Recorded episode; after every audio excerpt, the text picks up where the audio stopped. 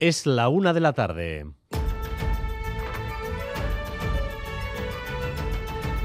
Crónica de Euskadi con Dani Álvarez. A Rachaldeón, la salida del Tour desde Euskadi y las tres etapas que recorrerán el país no van a ser solo un excelente escaparate promocional y un reconocimiento para la afición más pasional del mundo. Van a ser también una prueba de estrés organizativa que afecta a las instituciones y a la propia paciencia de la ciudadanía, porque el Tour no exige solo cortes puntuales mientras pasa la carrera.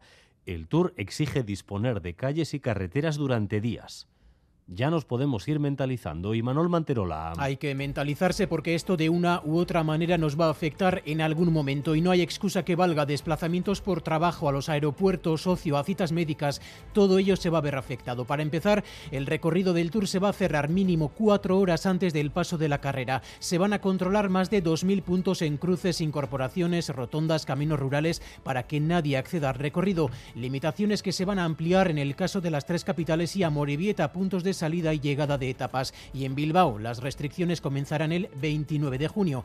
Así que toca planificar con tiempo y tener mucha paciencia. El Coreca, por cierto, no se ha mostrado excesivamente preocupado por las posibles protestas o incluso boicots de los sindicatos de la Archainza durante los días del Tour. Y campaña hacia el próximo 23 de julio. Pedro Sánchez quiere marcha. Órdago a Feijó y solo a Feijó, que se atreva a hacer un cara a cara con él pero no solo uno, sino uno a la semana hasta el 23 de julio. Seis debates. Madrid y Sarobaza. Esa es la propuesta de Sánchez, seis cara a cara con Feijo, un debate cada lunes de aquí al 23 de julio en las principales medios de comunicación. En palabras del presidente, el objetivo es crear un entorno democrático para el debate sin crispación y para enfrentar los modelos del gobierno que proponen el PSOE y el PP. Hecha la oferta, la pelota está ahora en el tejado de los populares. Han reunido a su comité ejecutivo esta mañana. Borja Semper comparecerá ante los medios de un momento a otro para esas elecciones. Euskal Herria Bildu mantiene su columna vertebral en Madrid. Merche Aizpurúa y Óscar Matute volverán a liderar el grupo parlamentario. Y el Partido Nacionalista Vasco remarca de nuevo su preferencia por una mayoría que lidere Pedro Sánchez tras esas elecciones. Aunque Aitor Esteban señalaba esta mañana en Boulevard que las condiciones esta vez serán otras. Probablemente al acuerdo que vayamos vaya a ser mucho más concreto y con momentos y fechas tasadas. Los grandes acuerdos ideológicos de cambiar un poquito estructuras, etcétera, de lo que era el acuerdo de investidura, pues ahí eh, pues andado remoloneando. Probablemente iremos a algo muchísimo más concreto, más reducido, pero con fechas determinadas y con garantías mientras cuenta atrás para la conformación electoral de Sumar. El viernes tienen que tener cerrado el acuerdo con Podemos y todo el universo de multiconfluencias porque el viernes se cierra el plazo para las coaliciones.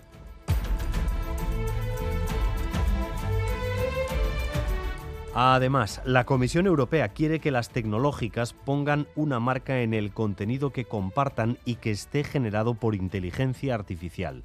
Elon Musk ya se ha negado. Bruselas, Amaya, Portugal. Las instituciones europeas ya trabajan en el desarrollo de una ley sobre inteligencia artificial, pero el proceso legislativo es muy lento y la evolución de las herramientas tipo ChatGPT muy rápido. Así que la Comisión Europea va a pedir hoy a las 44 organizaciones adheridas al Código de Buenas Prácticas contra la Desinformación que etiqueten los contenidos que comparten de manera que los usuarios sepan qué es real y qué no. Vera Yurova, vicepresidenta en materia de valores y transparencia. This is not created by real people. This is the robot.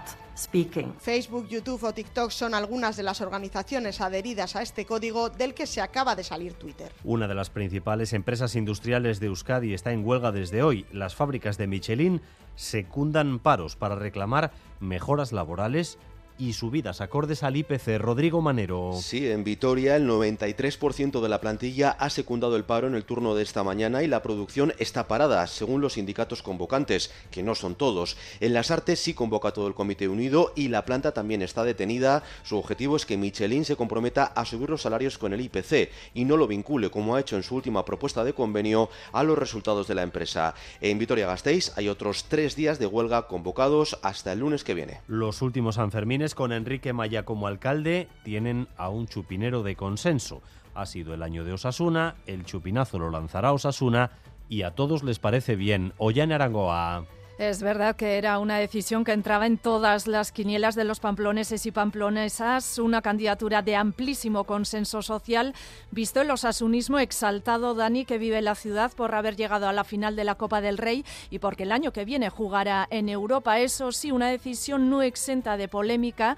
Pasa lo mismo que el año pasado con Juan Carlos Unzué. Nadie está en contra en el ayuntamiento, es un candidato que nadie cuestiona, pero la oposición sí que vuelve a pedir que esa decisión sea de la ciudadanía y no de un alcalde que está además en tiempo de descuento. En todo caso, todos contentos con que Osasuna lance este año el chupinazo. Será la segunda vez en sus 103 años de historia. La primera fue hace 23 años cuando ascendió a primera. Osasuna es uno de los protagonistas de la actualidad deportiva, sin ninguna duda, pero no es el único que destacamos hoy. Álvaro Fernández Cadierno, Rachaldeón. León, pues eh, que el chupinazo lo podía haber lanzado también la Real, que se ha metido en, los en la Champions, y no es el Athletic que por sexta temporada consecutiva se queda fuera de Europa. También lo podría haber lanzado Aitor Elordi, nuevo chapeldún del manomanista. El de Mayavi deja, ha dejado en 18 tantos a Joaquín Altuna. La programación de la próxima temporada de La Riaga destaca por dos óperas. Los primeros hombres, de Rudy Estefan,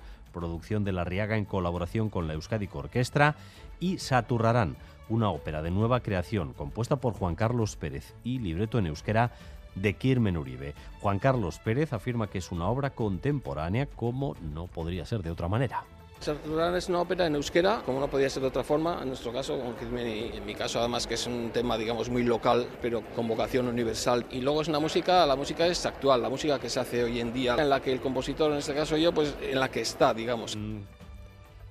En cuanto al tráfico, ahora mismo hay tres puntos que presentan problemas para circular según el Departamento de Seguridad.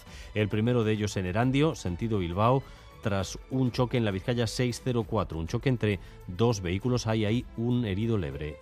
Erandio, sentido Bilbao, Vizcaya 604 una colisión entre dos vehículos. En Donostia, sentido Arizeta, en la Guipúzcoa 20, hay una salida de carretera también de un vehículo que no ha dejado heridos, pero también precaución en esa zona. Guipúzcoa 20 en Donostia, sentido Arizeta. Y en tercer lugar, Vergara, sentido Vitoria-Gasteiz, AP1, precaución en el túnel de Lesarri por el accidente que ha tenido un vehículo AP1 Vergara sentido Vitoria-Gasteiz. En cuanto al tiempo, hoy seguimos con ambiente inestable, un ambiente que aumentará durante la tarde y temperaturas elevadas, especialmente en Bilbao, donde a esta hora ya se superan los 25 grados de temperatura, 26-27 ahora mismo en Bilbao, 24 Donostia, 23 Gasteiz, 23 Iruña, 20 grados de temperatura en Bayona. Gracias un día más por elegir Radio Euskadi y Radio Vitoria para informarse. Raúl González y José Ignacio Revuelta se encargan de la dirección técnica, a Itziber Bilbao de la coordinación. Crónica de Euskadi con Dani Álvarez.